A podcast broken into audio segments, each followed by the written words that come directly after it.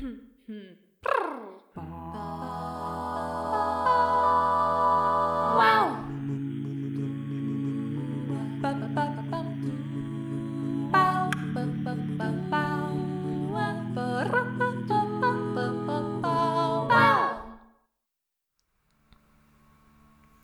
szép jó napot, Tündi! Szia, Gergő! Hogy vagy? Mi újság? Én köszönöm jól, te úgy látom lelkes vagy valami miatt. Mi lehet iszonyúan, ez? iszonyúan lelkes vagyok, nagyon lelkes vagyok, ugyanis itt vagyunk a századik epizódunkban, és szó szerint tényleg így kiugrok a bőrömből. Arról nem is beszélve, hogy 60 millió más dolog van a, a való életben is, ami miatt teljesen föl vagyok spanolva, és össze-vissza van a fejem, szóval félig éppen azon gondolkodom, hogy hogyan festjük ki éppen a, az új lakást, ahova költözünk egy pár héten belül, de, de azon kívül itt a hatalmas um, eredmény. Ez a századik epizódunk itt a podcastban, és um, egyébként meg, meg majd, hogy nem, szinte mondhatjuk, hogy a második évfordulónk is egyben. Igen, tehát úgy emlékszem, hogy most vagy január 31-én jött ki az első részünk, vagy akkor vettük fel, és akkor egy-két nap múlva jött ki, tehát ez sajnos Valami most pont nem február tudom eleje, január vége. Volna. nem, ja, megnézhettük volna. Um, ja, aki, akit érdekel, nézze meg, nyugodtan vissza lehet pörgetni YouTube-on, vagy, vagy bármelyik podcast platformon, ahol ott vannak sorban a részek, de hát úristen, itt vagyunk a századik epizódban, és így visszaemlékszem, hogy hogy hogyan is kezdtük, ugye szerintem valami olyasmi volt, hogy ugye 2021. januárban kezdtük, és mielőtt ugye mentek volna föl a tényleges első néhány részek, akkor tartottunk egy ilyen um, gyakorló felvételt, akkor szerintem Zoomon vagy, vagy, vagy valamilyen ilyen web uh, szolgáltatáson. Akkor még Zoomon? Akkor még Zoomon beszéltünk, és um, ugye azóta azt nem tudtuk nagyon használni már egy ideje, uh, ahogy így uh, egyebek, teljesen lényegtelen. Szóval ott volt egy felvételünk, egy gyakorló részünk, amikor ugye arról beszéltünk, hogy mind a prezentáltuk a, a saját kutatási témánkat ugye posztdoktor vagy PHD-s kutatási témánkat, hogy így, így beszéljünk, és akkor azt ötleteltünk, nem, hogy jaj, azt, ez egy, azért ezt a felvételt elrakjuk, és lehet, hogy ezt majd ilyen, ilyen special edition külön kiadásként majd, nem tudom, 50. századikként fölrakjuk, hogy na, így kezdtük volna, még mielőtt élőbe ment volna, vagy, vagy mielőtt felment volna online, és akkor így azt hiszem mondta valami, vagy én mondtam, vagy te mondtad, hogy na jó, először jussunk el 25-ig mondjuk, hogyha addig eljutunk egyáltalán. Igen, meg hát ugye a, tehát ma, maga a videó minőség is kiváló volt ugye az online térben. Szerintem akkor a mikrofont is csak ugye a gépi mikrofonnal vettük fel, és maga a rész, ha jól emlékszem, ilyen másfél-két óra hosszás volt, tehát, hogy Igen. több okból sem működhetne, illetve több okból is nagyon optimisták voltunk, én azt kell, hogy mondjam, de ki tudja, lehet, hogy a 200. résznél majd egyszer lesz valami online szolgáltatásunk, ahol ezt meg lehet tekinteni. De hát ugye, hát, hogyha ha... már századik rész, mesélj Tündi, miről lesz szó? Hát ez egy, ez egy varázslatos dolog, nem? Hogy eljutott, ezt borzasztó. volt a katasztrófás. De én, én teljesen elvarázsolt hangulatban vagyok. És ez egy, ez egy mágikus pillanat szintén, hogy, hogy ide juthattunk egy ilyen nagy kerek számig, és ezután a katasztrofális folytasd, folytasd. után. ez, annyira, ez nagyon rossz ettől, ez, ez még nekem is fáj. Nem baj.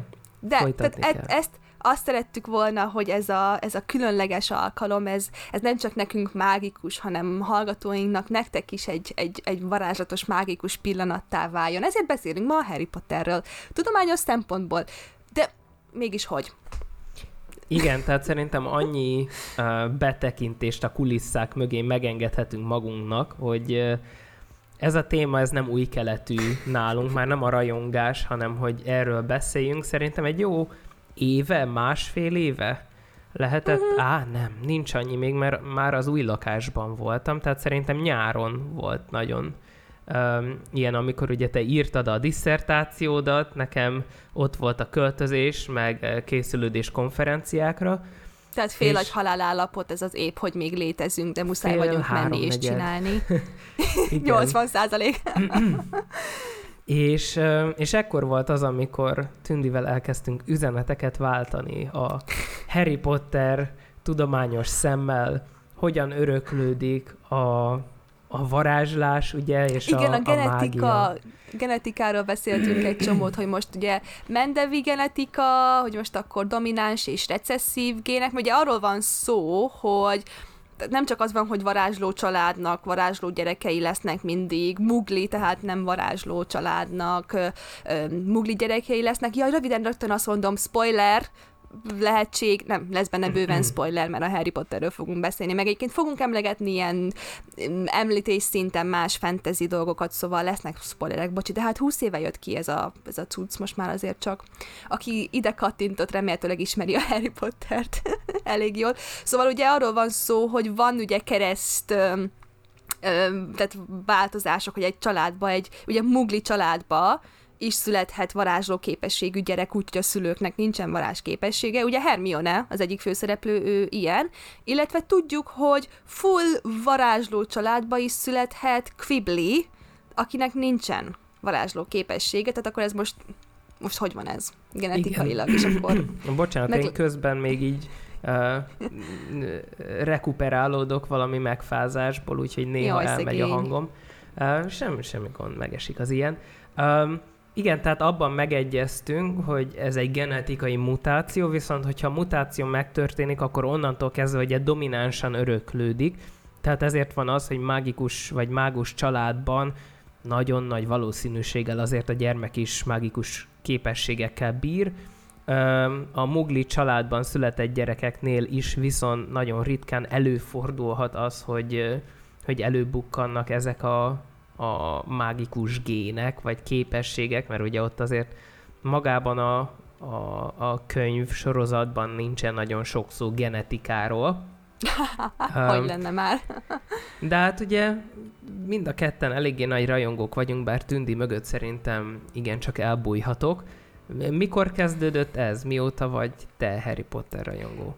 Hát mi szerintem így mondhatjuk, legalábbis én magamat tényleg ebbe a klasszikus Harry Potter generációba sorolom. Igen. Mert ugye mi pont körülbelül így annyi idősek voltunk nagyjából abban a korosztályban, hogy amikor kezdtek kijönni a könyvek, és már le lettek fordítva magyarra, borzasztó passzívasan mondva. Akkoriban voltunk ilyen, ilyen 11 néhány évesek, vagy pont az a korosztály, akiknek szóltak az első néhány könyvek, és ahogy jöttek ki a könyvek sorban, tehát én onnantól kezdve már, már tényleg alsó tagozatban olvastam a könyveket, és imádtam kezdtektől fogva, és ugye úgy, ahogy nőttünk mi is föl, jöttek ki a, az, a, a, a későbbi ugye már egyre komolyabb témákat, komolyabb uh, sztorit földolgozó könyvek. Ugye emlékszem, hogy gimnazista voltam már, amikor a, az utolsó kötet kijött körülbelül ilyen Bőven. 15 évesen, és annyira, akkor már tudtam annyira jól angolul, hogy amikor kijött ugye az angol nyelvű eredeti verzió, onnantól kezdve még vagy fél évvel később jött ki a magyar, mert még akkor megkapták ugye kijövetel után a fordító, és fordította le, de én azt már angolul olvastam, mert annyira akartam tudni, hogy hogy, hogy fog lezáródni. És azóta, tehát egy ilyen élethosszig tartó Harry Potter rajongó vagyok. Neked Igen. hogy?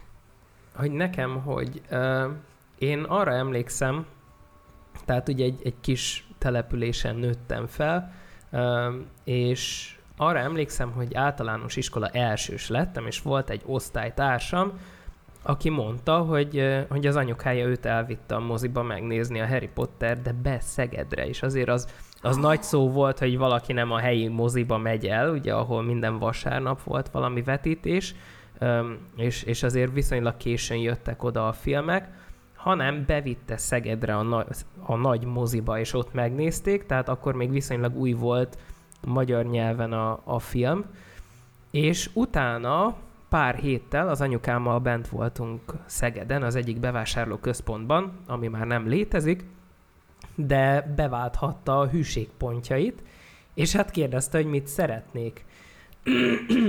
és én mondtam, hogy hát akkor a, a Harry Potter kazettát szeretném, hogy én is felülhessek ugye a király vonatra, hogy, hogy tudjam, hogy mi az a Harry Potter egyáltalán. És hát akkor én megkaptam a videókazettát, és onnantól kezdve elindult az egész, tehát a, az első részt is láttam egyébként moziban, mert aztán elvittek minket az iskolából, ha jól emlékszem, de egyedül a, a hatodik részt nem láttam egyébként moziban, tehát azt, azt otthon azt képernyő előtt láttam, de az összes többi részt igen. És, és valóban Harry Potter generáció vagyunk, mert hogy én ugye, amikor az első film kijött, az ugye vagy 98 vagy 99 volt, szerintem 98-ban jött ki a, a film, így a vége fele, én ugye 99-ben kezdtem az iskolát, én akkor voltam elsős, tehát kvázi amikor Harry elkezdte a Roxfortot, én is akkor kezdtem el a, a magyarországi Roxfortot, és aztán amikor 12-es voltam, ugye érettségi után jött ki az utolsó film. Tehát pont végig kísérte ugye az egész uh, iskolás éveinket gyakorlatilag a, a filmes történet. Természetesen olvastam a könyveket is, de nem, nem az összes könyvet olvastam egyébként ki. Én viszonylag későn estem bele a, az olvasásba, és az olvasás iránti uh-huh. szeretet az, az későn alakult ki, tehát én ilyen középiskola második környékén kezdtem el úgy megszokottan könyveket olvasni, de akkor az összes szagát, amik éppen jöttek ki, azokat olvasgattam. És a, a Harry Potterből így egyébként a harmadik könyvet olvastam, mert azt ajándékban, ajándékba egyszer megkaptam, illetve a hatodik, hetedik könyvet olvastam. A, a többit azt nem. Aztán nyilván elgondolkoztam már rajta többször, hogy végig kellene olvasni az egészet, mert mégiscsak úgy az igazi, de egyelőre erre nincsen idő. Nem, én is így voltak ilyen, ilyen hiú ábrándzsaim, hogy hogy így, itt a századik részre való felkészülésre, ugye ezt úgy nagyjából eldöntöttük hónapokkal ezelőtt, hogy na jó, oké, akkor, akkor valamit kipró- megpróbálunk a Harry Potterről beszélni tudományosan a, a századik részben, és akkor így voltak ilyen hiú ábrányjaim, hogy végig kéne olvasni gyorsan a, az összes könyvet, és megnézni az összes filmet, hogy iszonyúan felkészült legyek, aztán nem, nem, nem történt, de nem baj, mert eléggé jól emlékszünk azért így a, a részletekre. Láttuk párszor, szerintem megolvastad Igen. is előtte elégszer. Igen, hát nem is tudom már mikor olvastam, rég olvastam utoljára, de azért eléggé jól megragadnak részletek a fejemben az olyan dolgokból, ami, ami érdekel és lekötött. És akkor így Ja, Igen, meg a... sokat szórakoztunk régen ilyenekkel, hogy teszteltük egymást így baráti körrel, hogy na mire emlékszel így kamaszként, és akkor így ilyen nehéz kérdéseket tettünk föl, hogy ez a úristen, akkor ott ki mit mond, és akkor ott mi volt a, nem mindegy, szóval ez ilyen, ilyen tipikus rajongó dolgok voltak. Igen, meg ugye a film és a, a könyv közötti diszkrepanciák is, tehát most eszembe jut a, a trimágus kupás rész, amikor um, a könyv szerint ugye Dumbledore oda megy, és, és kedvesen megkérdezi Harryt, hogy te dobtad bele a nevedet a kupába? A filmben viszont úgy rátöri az ajtót, hogy szerintem mindenkinek beolvad a sportszelet. Úgyhogy ö, érdekes. Viszont fun Az fact, egy tipikus. Igen, az egy nagyon-nagyon-nagyon gyakori igen. fájó, fájó pont a rajongótábornak. Igen, viszont volt szerencsém ugye nyáron eljutni Hollywoodba, és uh, hát természetesen elmentem a, a Warner Bros stúdióba, ahonnan emlékszem, hogy küldtem is neked képet, mert ott ki volt állítva az eredeti trimágus kupa, tehát hatalmas, és Igen. tök jól néz ki egyébként. Um, meg hát rengeteg Harry Potter relikviát is láttam, ami ugye azért érdekes, mert Tündihez nagyon közel forgatták a filmeket, tehát azokat nem az USA-ban forgatták, hanem Londonban, az Egyesült Királyságban. Um, Meg um, egyéb helyeken, tehát én például jártam Oxfordban, a, a New College-ban, ami, igen, igen. ahol a negyedik részből, negyedik filmből forgattak jelenteket. Ott van egy ilyen belső udvara, van az a tipik, van, van az, a, az, a, az a jelenet, amikor ott van egy ilyen uh, udvari összeveszekedés Draco Malfoy bandája, meg uh, ugye Harryék között, uh-huh. és akkor jön um, hogy van, ilyen Moody, jaj, most, na, Pro, Mordor professzor. Rémszem, Mor- nem? Igen, Rémszem Mo- Mordon, Mordon, igen, professzor, aki ugye egy görényé változtatja Malfoyt egy rövid időre, és tehát annál a fánál én álltam ott a New College-ban, ahol ez a jelenetet forgatták. Illetve hát ugye, amikor Reading és Cambridge között közlekedtem eléggé sokat az utóbbi évben, akkor a King's Cross állomáson mentem keresztül heti szinten, és a, tök sokszor volt, hogy a kilencedik vágányról indult a Cambridge-i vonat, és akkor mindig ez a kilencedik. igen, tehát nem próbáltam átfutni a falon, mert van ennyi önmegőrző ösztönöm magamban, hogy nem, nem, nem futok át a falon, mert hiába tudjuk a anyagtudományról és a kvantummechanika meg egyéb elméletekből, hogy ugye az anyag az egy érdekes dolog, hogy a, az atommag körül sokkal messzebb vannak a, az elektronok, és hogy nagyon sok üres tér van, de attól ez még nem segít nekünk, hogy átfussunk a falon. Szóval ne. Igen, ha bár egyébként ugye a, az anekdota azt állítja, hogy amikor, ha jól emlékszem, Thomson volt az, aki amikor tudatosult benne, hogy mennyire Igen. több üres tér van, mint nem üres tér, félt lelépni a padlóra, mert félt attól, hogy átesik rajta. Hát megtűndi azért az is eléggé szomorú, tudom, így be kell valljuk, de azért egy jó uh, 20 éve már elkésett az a, a Roxfortos levél, tehát hogy valószínűleg hiába futkorásznánk át azon a, a falon, csak Igen. neki esnénk, és akkor Hát igen, mert a kulombe, kulomberők segítenek, hogy azért a dolgok taszítsák egymást megfelelően, illetve, de figyelj, erre, erre van egy iszonyú jó poén, egy ilyen mím, amit láttam, no. hogy a, öm, ugye nem kaptam meg 11 éves koromban a Roxforti levelet, nem találtam meg Narnia bejáratát a szekrényben, még arra se számíthatok, hogy réges-rég egy messzi-messzi galaxisban lennék, de akkor már csak arra várok, hogy Gandalf, ha 50 x éves leszek, akkor gyere és vigyél el egy kalandra. Igen, de, de valamivel pozitívabbra. Ugye ez egy utalás a gyűrűk urára egyébként, ha bárkinek ez úgy nem, nem lenne meg, mert hogy ugye mind Bilbo, aki a, a Hobbit mesének a főszereplője, aztán később Frodo, a gyűrűk ura a Hobbit főszereplője, ők ez ilyen 50-es, 60-as éveikben lévő hobbitok, tehát ők nem ilyen, ilyen kis tinédzserek, amikor neki indulnak kalandozni, hanem tisztes korban lévő, tehát van még remény. Van még remény, hogyha nem kaptunk Valamennyi. Roxforti levelet. És akkor azt beszéljük, ez hihetetlen. Um, és akkor Igen, azt beszéljük. Tessék, e, e, nem segít, nem segít egyáltalán. Jaj. Tehát most át, átléptem ilyen tinédzser gyerekké. Um, azt beszéljük meg, hogy ki melyik házba lett beosztva. Na, ez egy jó kérdés. Na, aki akkor egy fél másodperc miatt ezt kimondjuk, akkor ugye a hallgatóinkat, akik mondjuk már régebb óta hallgattak minket, minden új hallgatót is bármikor nagyon szívesen üdvözlünk, de aki így picikét úgy ismer már minket, minket jobban, akkor másodperc alatt próbáljuk meg megtippelni, hogy milyen házban lehetünk. És akkor Gergő lőd le először te a poént. Te hova lettél beosztva? Hát én legtöbbször, mert ugye ezt nem az ember az nem egyszer tölti ki. Én legtöbbször mardekáros vagyok. Aha, igen. Hát ezeken nem újdonság, én ezt tudom. De, de igen, szóval te ravasz vagy, aki szereted dolgokat alakítani, és, és okoskodni, és úgy ki... Nem okoskodni, okosnak lenni, és ravasznak Igen, az lenni. okoskodás az Gryffindor. az igaz, igen, igen.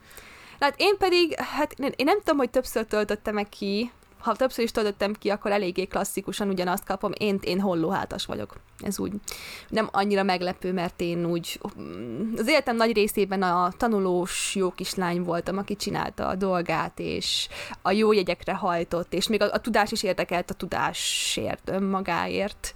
Um, szóval igen, ez nem annyira meglepő talán. Igen, viszont ha már ezt tisztáztuk, akkor szerintem vágjunk is bele, Ugye korábban már beszéltünk egyébként fantasy történetekről, ilyen volt a gyűrűkurás rész, ami nagy sikernek örvendett, de a sokkal könnyebb volt feldolgozni, ugye, mert egyértelmű, kitalált mitológiai háttér van, az könnyű volt megbeszélni, viszont a Harry Potter ennél sokkal macerásabb, de ugye vajon miért? Hát nincsen saját mitológiai háttere. Ugye vannak utalások görög, egyiptomi mitológiára, ilyen volt a, ugye a varázslények, mint a kentaurok, a Sphinx, vagy Bolyhoska, ugye a Cerberus. Um, illetve ut- kutya.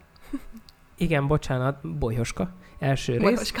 rész. Um, és, és hát ugye ott van még az Artúri mondakör, ugye Merlin, mint létező személy, ugye Merlin szakálla, ezt mondják sokat a Harry Potterben, um, de ezen kívül igazán teljes saját háttere nincsen.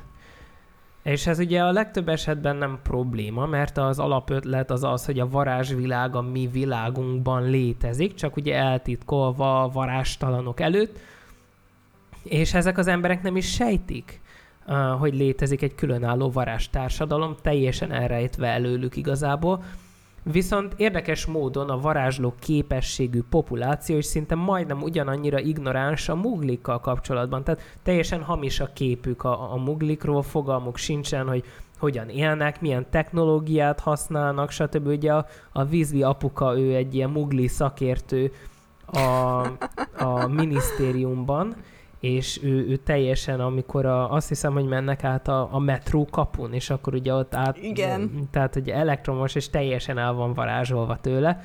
De nem, nem tudja használni, nem érti. Igen, tehát ezt nem értik egyáltalán. Ez kicsit olyan, mint amikor az én kezembe raknak egy PlayStation kontrollert.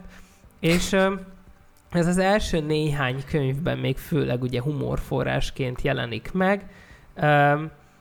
Később viszont ugye azért, amikor el, előkerül, a, előkerül a tudjuk ki, és hatalomra tör, akkor azért igencsak ellenségesen tekintenek rájuk, nyíltan üldözni kezdik a varástalanokat, de ebbe most ugye nyilván nem megyünk bele nagyon.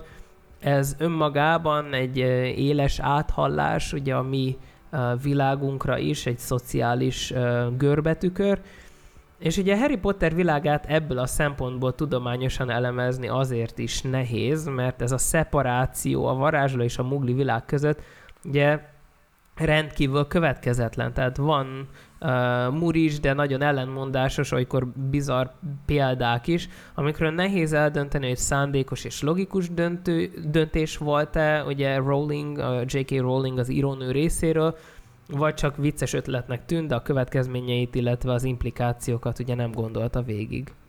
Igen, ez iszonyú jó kérdés, és um, aki, aki mondjuk hasonlóan, mint mondjuk én, benne van a Harry Potter rajongói világban, az tudhatja, hogy a YouTube, meg mindenfajta weboldalak teli vannak rajongói elméletekkel. Aki ebben is benne, az, az teljesen jó, akkor erről most csak azért mondok néhány szót, hogy de egyébként nem csak Harry Potterrel kapcsolatban, gyűrűk urával, meg csomó más fantasy, science fiction, tudományos, fantasztikus, ilyen nagy népszerű regényekkel, amikor meg, meg filmekkel, hogyha vannak benne ilyen, ilyen kis lyukak, hú, ez vajon hogy van, ez vajon miért így történt, nem egészen egyértelmű, akkor a rajongók elkezdenek így teóriákat gyártani, hogy, hogy ez miért van. És a Harry Potterrel kapcsolatban horribilis mennyiségű jobb vagy kevésbé jobb ilyen teóriák vannak, és rengetegszer pont erre ö, megy rá, hogy na akkor, akkor miért vannak ilyen, ilyen diszkrepanciák, ilyen ellentmondások, és akkor próbálnak ilyen iszonyúan összetett, már egy kicsikét ilyen összeesküvés elmélet szintű összetettségbe hajló teóriákat gyártani embereket, hogy megmagyarázzák, hogy és tudod, mi volt Dumbledore-nak a, a titkos terve az egész mögött, hogy, hogy így hogy alakult, és én így mindig nézek rá, hogy jó,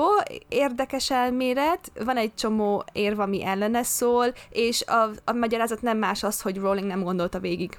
Tehát igazából de rengetegszer ilyen van, hogy volt egy jó, érdekes ötlet, de azt végig gondolni történeti szinten, hogy milyen implikációi lesznek, az ilyen rengeteg munka lenne. Az egyik ilyen érdekes, ilyen kulturális társadalmi kérdés a varázsvilág és a mugli világ között, hogy a varázsvilágból például teljesen hiányoznak így a, a mi világunknak a vallásai, ellenben a karácsonyt azt, azt full ünneplik, ami egy keresztény ünnep. Tehát az egy alapvetőleg nem más, mint egy keresztény ünnep, és mégis ünneplik a történetben a karácsonyt minden évben, full ugyanazokkal a klasszikus brit tradíciókkal, amivel a mugli britek ünneplik. Tehát oké, okay, jó, legyen így ismerős a, az évnek a szerkezete egy, egy, a, az olvasó számára, de ennek az implikációját nem gondolta végig, ezek szerint én azt gondolom Rowling, hogy, hogy vallás nincs, de karácsony van, akkor miért pont karácsony van, miért nem más vallás ünnep van, miért nincsen egy saját vallása a varázsvilágnak, ami, ami igazán lehetne, mert,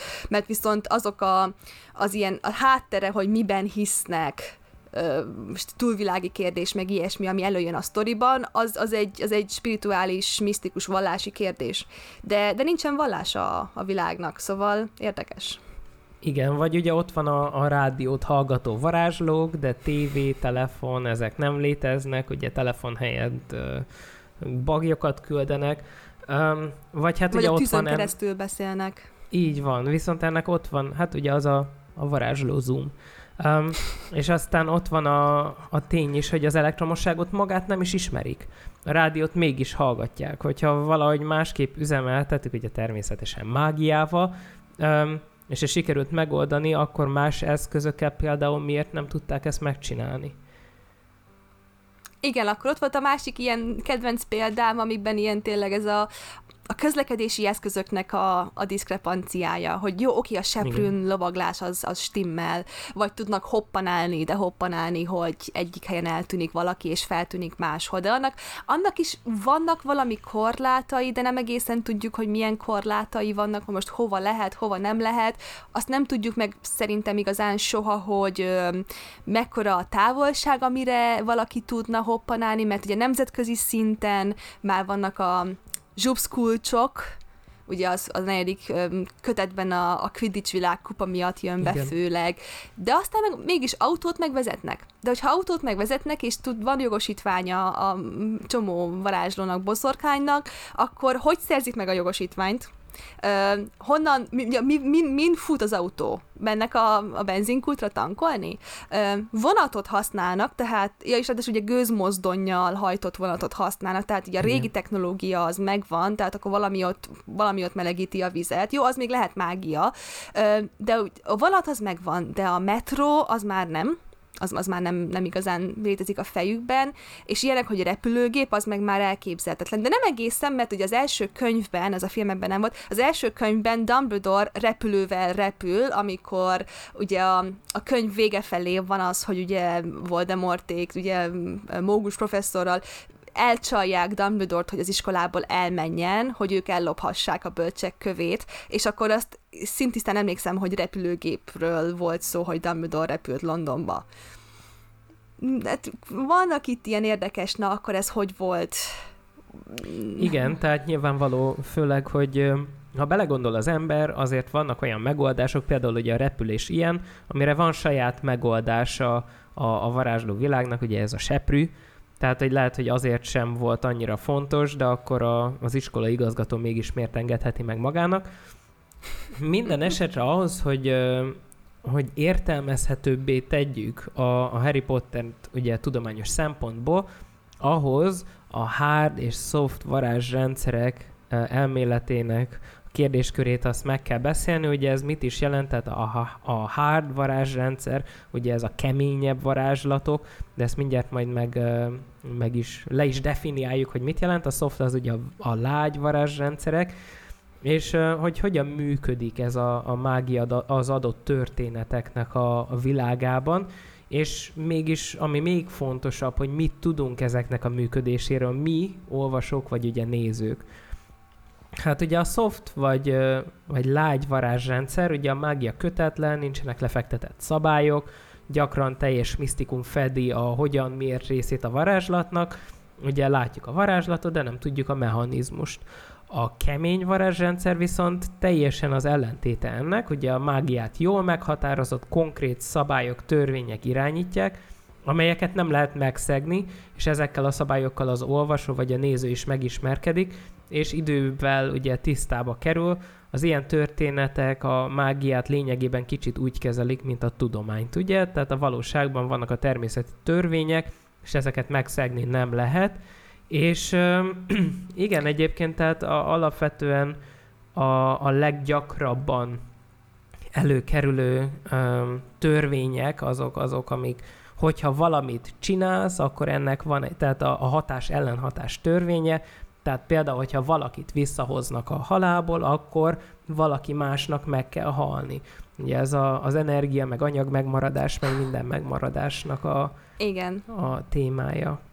Igen, ez az elmélet, ugye ezt, ezt azért is um, hoztam be itt a rész, um, amikor ugye kutató munkát végeztem idézőjelben ez a részhez, hogy miről lehet tudományosan beszélni a Harry Potterről, akkor amiket találtam, ilyen fejtegetések, értelmezések, sokszor az ilyen, ilyen kiragadott ö, témakörökbe, tehát például akkor valaki arról beszél, hogy a genetikai háttere a mágia öröklődésének, vagy, vagy arról, hogy akkor hogyan repülnek a seprűk. Ö, de hogy, hogy ilyenkor szeretünk azért mi így azért a, a részeinknek ilyen valami átfogó elméleti háttért adni sokszor, és hogy ahogy ugye a, a gyűrűk föl tudtuk dolgozni mitológiai szempontból tudományosan, akartam ennek a Harry Potter résznek valami ilyen átfogó elméleti struktúrát, és akkor eszembe jutott ez a hard, soft, kemény, lágy varázsrendszer elmélet, ami a fantasy irodalomnak egy nagyon széles körben ismert elmélete, ami arról szól, hogy tényleg milyen célt szolgál a mágia, és, ja, és persze felveti a kérdést, rögtön ugye felteszik a kérdést sokan, hogy melyik a jobb, a, a kemény vagy a lágy varázsrendszer. Üm, és erre érdemes példákat nézni, aztán majd belüljük, hogy a Harry Potter az, az melyikbe tartozik. A, a lágy, tehát a soft ö, rendszerek között az egyik leg, legismertebb az a gyűrűk ura ugye mert ott ugye vannak, van Gandalf, ott vannak a más mágusok, illetve Sauron, meg a, tehát van, van egy mágia fogalom, de nem tudjuk, hogy az hogy működik. Tehát Gandalf csinál dolgokat. Ennyi. Aztán a másik rendkívül jó példa az a, az a Trónok harca világa, a tűzési jégdala, ahol azt hiszem, ugye például a leg, egyik leg konkrétabb karakter, aki, aki mágiát használ, az Melisandre, a vörös papnő, de csinál dolgokat, de sokszor szinte azt érezhetjük, hogy ő maga sem tudja, hogy mit csinál, de úgy, úgy visszahoz a halálból embereket, és, és, és művel mágiát.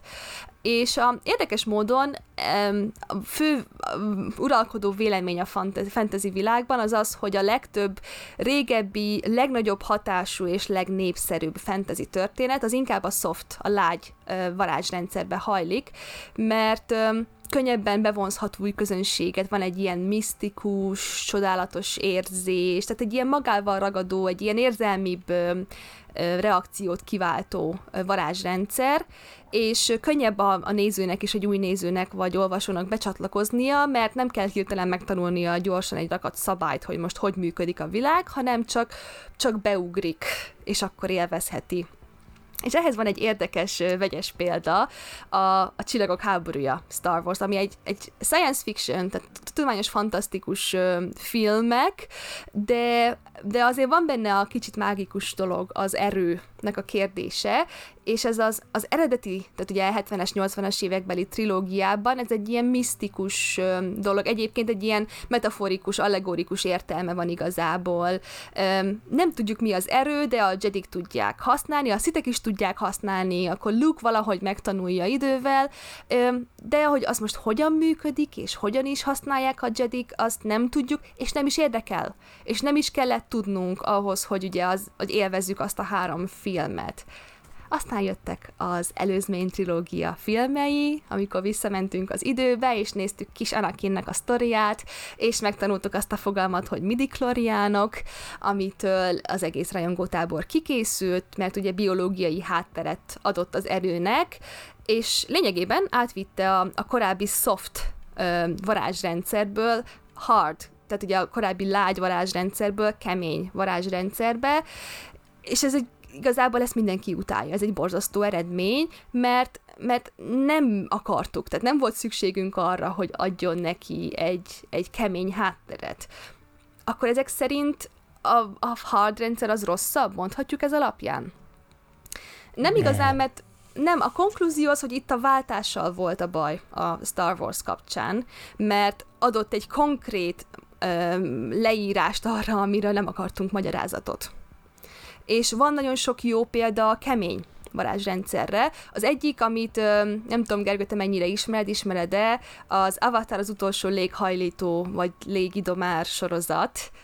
A filmet? A filmverzió, ami nem létezik. Filmverzió nem létezik, azt a rajongótábor tagadja hogy az létezett volna. Az egy katasztrofális film, azt, az említésre méltatlan.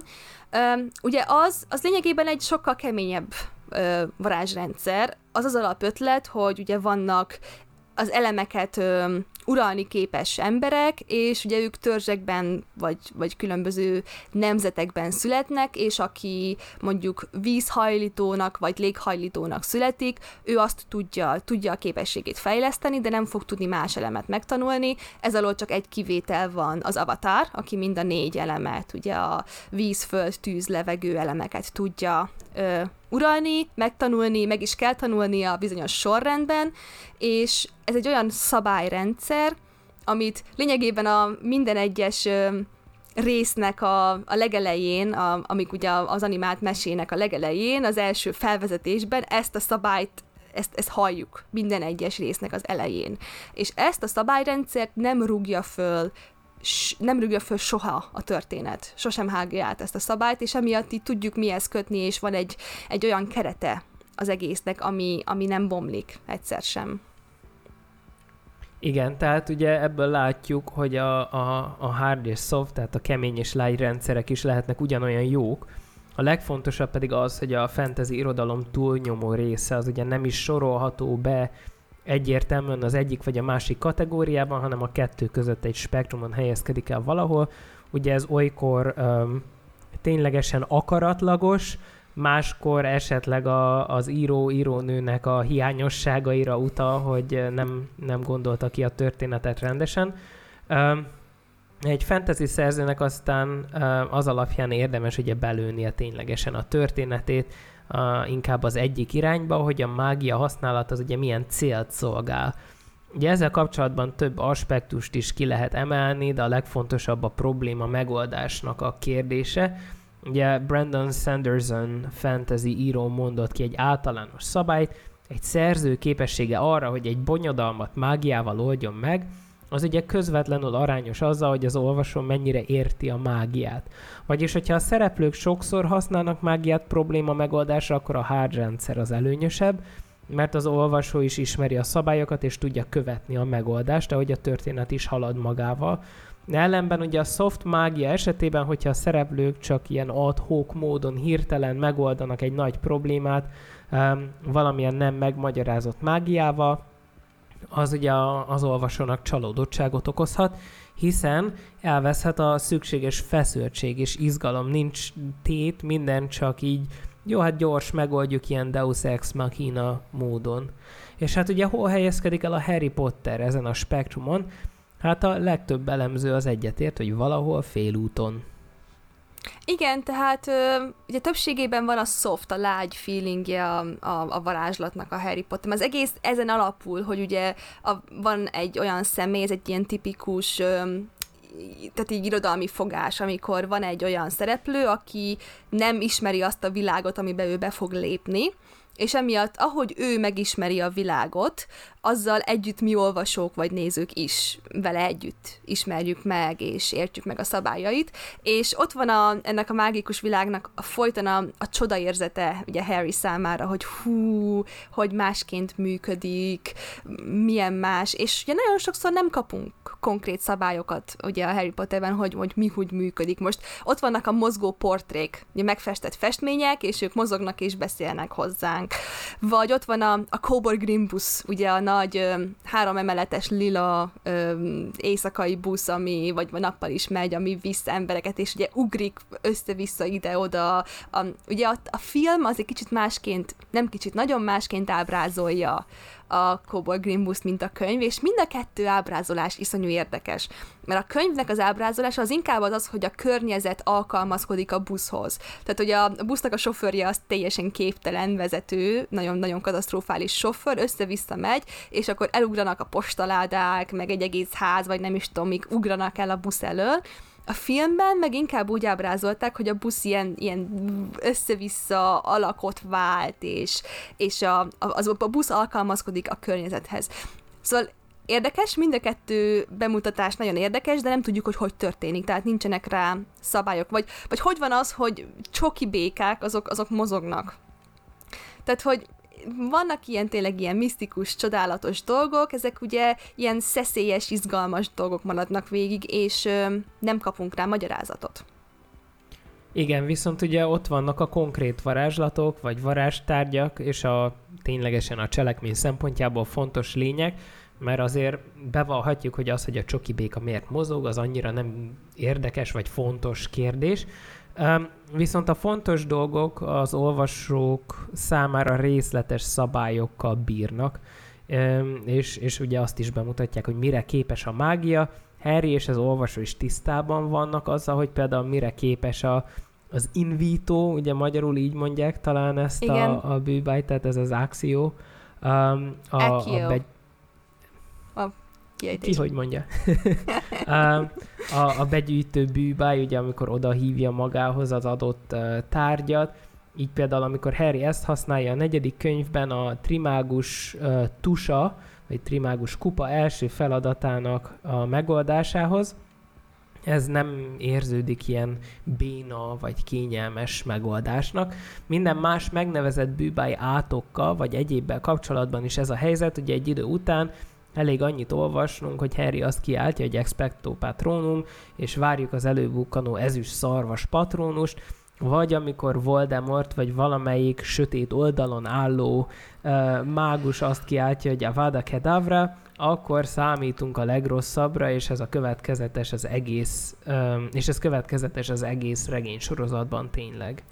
Igen, ugye, tehát ha... ugye csak egy el akartam mondani, hm. bocsi, hogy szabadba vágok, de hogy ugye, ahogy tanulják az iskolában a, a varázsatokat a, a diákok, ugye azzal mi is így mindig megtanuljuk, hogy na, akkor ugye az invito az azt jelenti, hogy oda vonzunk magunkhoz dolgot. És ugye ott azt hiszem a negyedik könyvben pont így van, tehát megvan konstruálva a történet úgy, hogy a Harry küzdik a begyűjtő bűbájjal a bűbájtanórán, és nem akar neki azt hiszem menni, és a, ugye azzal is küzdik később, hogy a trimágus tusa első próbájára, és akkor ugye megkapta az információt sunyiban, hogy sárkányokról lesz szó, és akkor sárkányokkal kell valamit csinálni, és akkor úristen mit csináljon. És akkor aztán kapja ugye Mordon professzortól, aki egyébként egy gonosz halálfaló, aki kiadja magát a professzornak. Ö, őnek ugye az a dolga, hogy átsegítse Harryt a tusának a nagy részén, hogy majd a harmadik próbáról elrabolhassák, és felhasználhassák Harryt arra, hogy Voldemort visszatérjen és ugye emiatt kap tanácsot a professzortól, hogy idézőjeles professzortól, hogy ugye a saját erősségét használja ki, ami ugye a Quidditch, a seprűn való lovaglás, és a trussa előtt, az első próba előtti, azt hiszem, nap, masszívan ott, ott kéri Hermionét, hogy segítsen neki megtanulni a begyűjtő bűvájt, hogy aztán lent a, ott, a, amikor már ott van a sárkány előtt, akkor oda hívhassa a hálószobájából a seprűjét. És emiatt ugye a probléma megoldást itt a, tudtuk követni. Tehát már előtte egy-két fejezettel, vagy valamennyivel feljött ez a bűbáj, tudjuk, hogy hogy működik, hogy mit fog csinálni, és emiatt, amikor Harry ezt kihasználja, akkor ez egy, ez egy megelégedést adó dolog, hogy fú, oké, oké, okay, Harry ezt jól megoldotta, ehhez ismernünk kellett a szabályát. Igen, és aztán ugye ezek, alapján viszont e, eléggé érdekes kérdés, és sokokban e, szubjektív kérdést vet fel, hogy mennyire okoz és kelt megelégedést a hetedik könyv utolsó csatája, ugye Harry és Voldemort közt, és Harry győzelme, mert hogy logikusan levezetve egyébként nincsen igazán értelme annak, ami ott történt, de szerintem ebbe most nem menjünk bele, hanem amiben menjünk viszont bele, azok a konkrét témák, amiket kiemelhetünk a Harry Potterből, és ezeknek a tudományos elemzése, hiszen ezt ígértük, ugye, és szerintem már elég sok feszkót fejtett, um, keltettünk a, a hallgatókban uh, azért, hát hogy végre ezt megtudják. Igen, de, de ami meg így a hard, soft, tehát kemény és lágy öm, mágia rendszerek lezárásaként mondhatjuk, hogy ez azért egy érdekes átfogó témakör, vagy egy átfogó ilyen elemzői módszer, hogy így nézzünk a fantasy sztorira, mert, mert tényleg nagyon sokan szeretnek olyan fantasyket olvasni, ahol a mágia ugye kemény rendszer, és olyan, mintha tehát tudományosan közelítjük meg a mágiát. És ennek is hatalmas rajongó tábora van, akik pont azt szeretik, hogy én akarom tudni a pontos szabályrendszert. Én akarom, hogy a mágia úgy működjön abban a világban, mint hogyha a tudományt fejtegetnénk föl. Tehát emiatt ez egy ilyen érdekes, szerintem átfogó elemzés volt. De igen, akkor, akkor nézzünk még ilyen konkrét kiragadott témákat, és az első, amiről egy ilyen néhány hónappal ezelőtt az időutazásos részünkbe utaltunk is, hogy na akkor egy picit beszéljünk a, az időutazás kérdéséről a Harry Potterben. Igen, hát ugye ez az időutazás, meg az időnyerő, önmagában szerintem így a fantasy világban a Harry Potter történetben ennek a kezelése ez kimondottan logikus. Ugye itt azt mondják, hogy van egy időhurok, és néhány órás visszautazás során egyszerre kettő szálon, tehát párhuzamos szálakon futik. Futik. Na, ez, ez jó volt. Van ez így. E, e, előfordul. Tehát egy két párhuzamos szálon fut a történet, és a szereplők lényegében megkettőződnek. És az első alkalommal ugye Harry és Hermione sem tudja, hogy időutazás történt, és uh, emiatt aztán azt sem tudja Harry, hogy nem az apját, hanem saját magát látta megidézni a patronus, de miután visszautaznak az időben, igazából látják a saját múltbéli önmagukat, és úgy alakítják a történéseket, hogy milyen, uh, követ, milyen következtetéseken uh, alapuljon, milyen következmények legyenek. Uh, tehát nem idéznek elő paradoxokat, alternatív idősíkokat, és a többi, és a többi. És hát akkor ugye tudjuk, hogy ez az első hét könyvben hogy működött, de itt van egy nyolcadik könyv is, ami Tündinek ami a kedvence. Nincs. Ami nincs Nincs, nincs, nincs. Nem létezik. Igen, nem, ez, ez nem a canon gyermek, része. Ugye?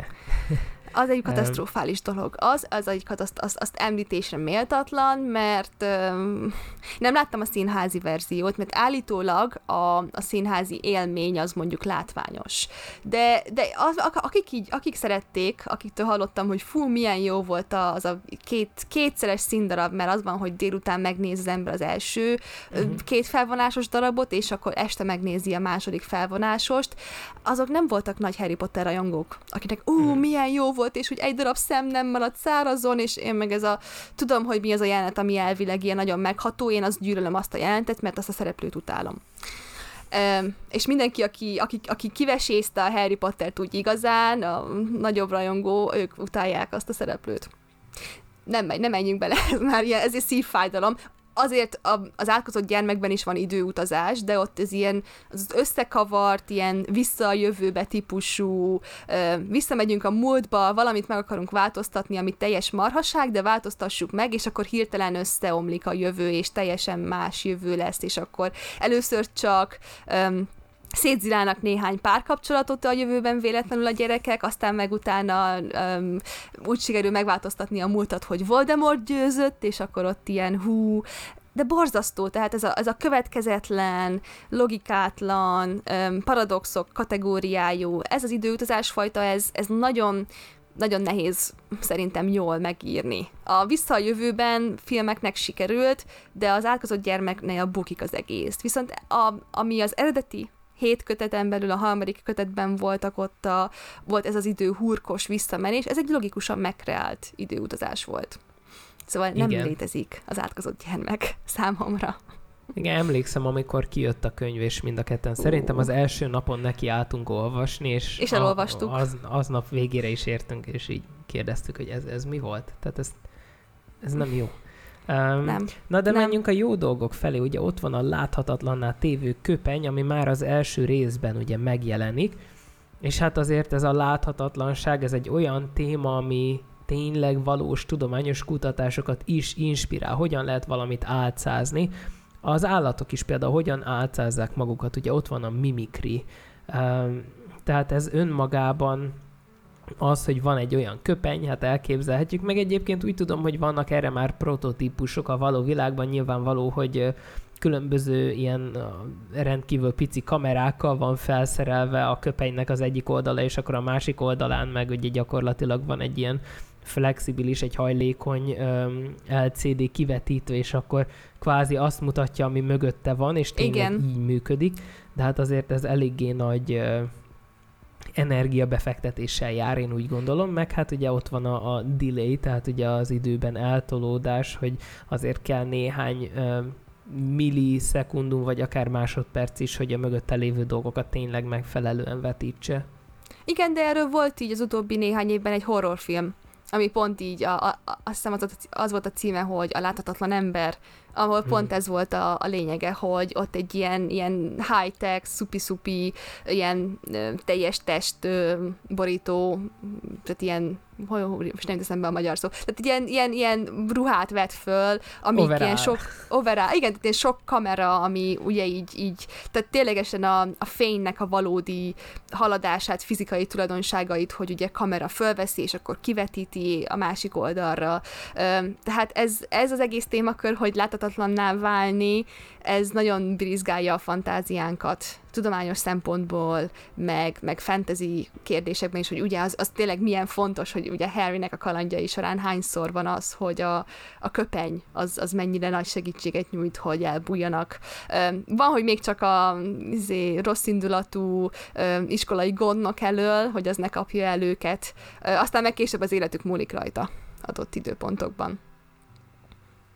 Igen, és hát aztán ugye ott vannak azok a dolgok, amik az emberiség számára konkrét, tudományos diadalt jelentenek, ugye ilyenek az antigravitációs, tehát a lebegő, lebegtető bűbáj, ugye a repülés a seprűkön, stb.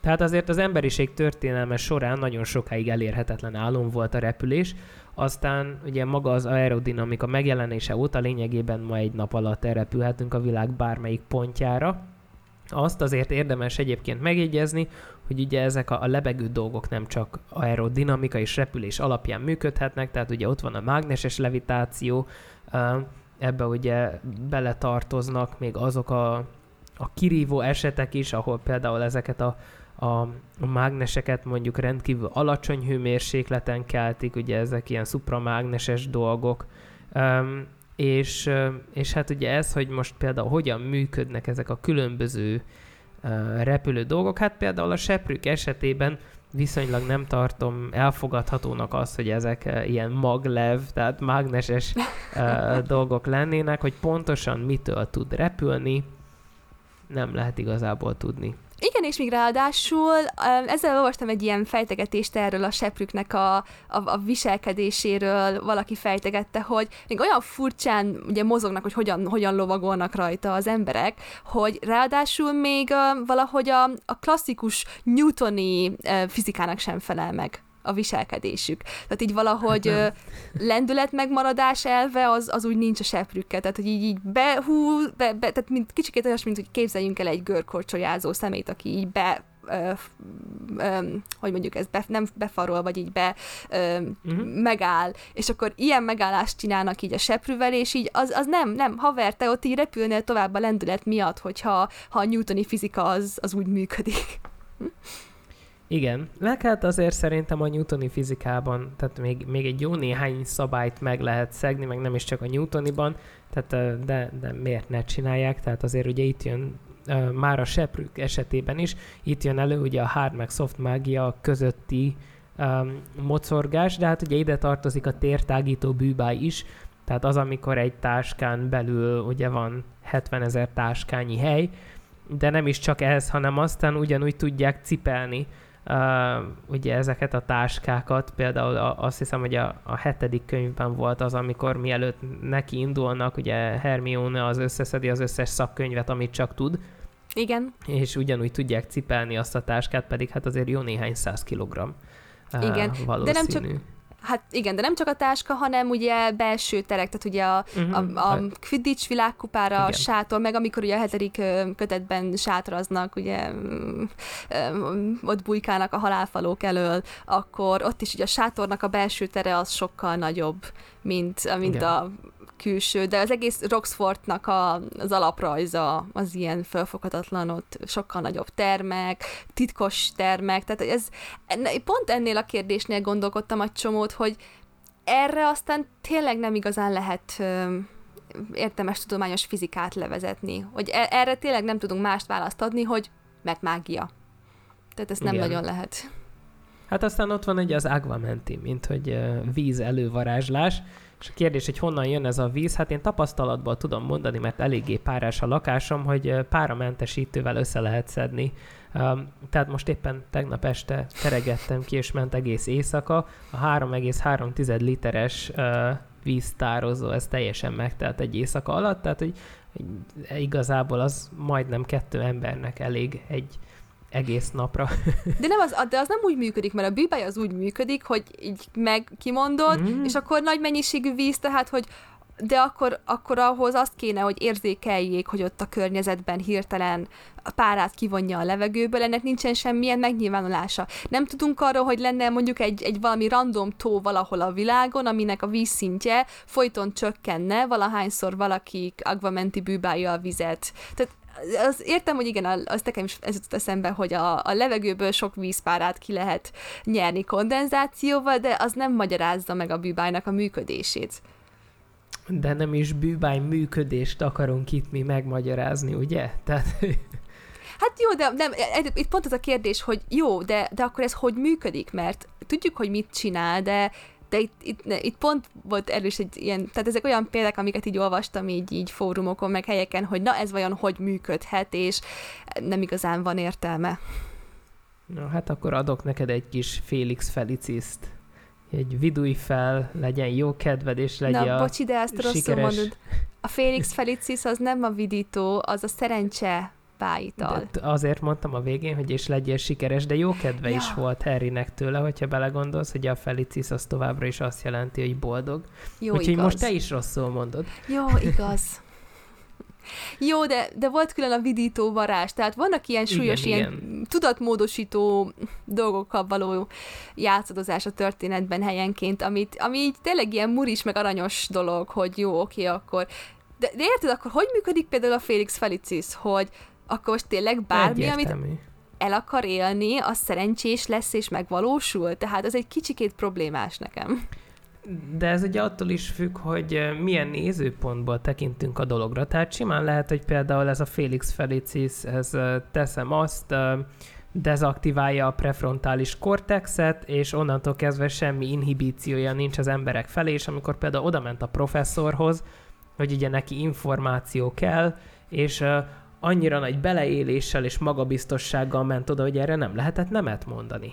Ugye? Ah, jó, de hát ez de dezaktiváljuk a prefronta, pre, prefrontális kortexet, az így egyenes um, út inkább az én fejemben arra, hogy aztán utána ne úgy viselkedjünk, mint ahogy egy embernek illik viselkednie, és hatalmas marhaságokat műveljünk csak hirtelen felindulásból.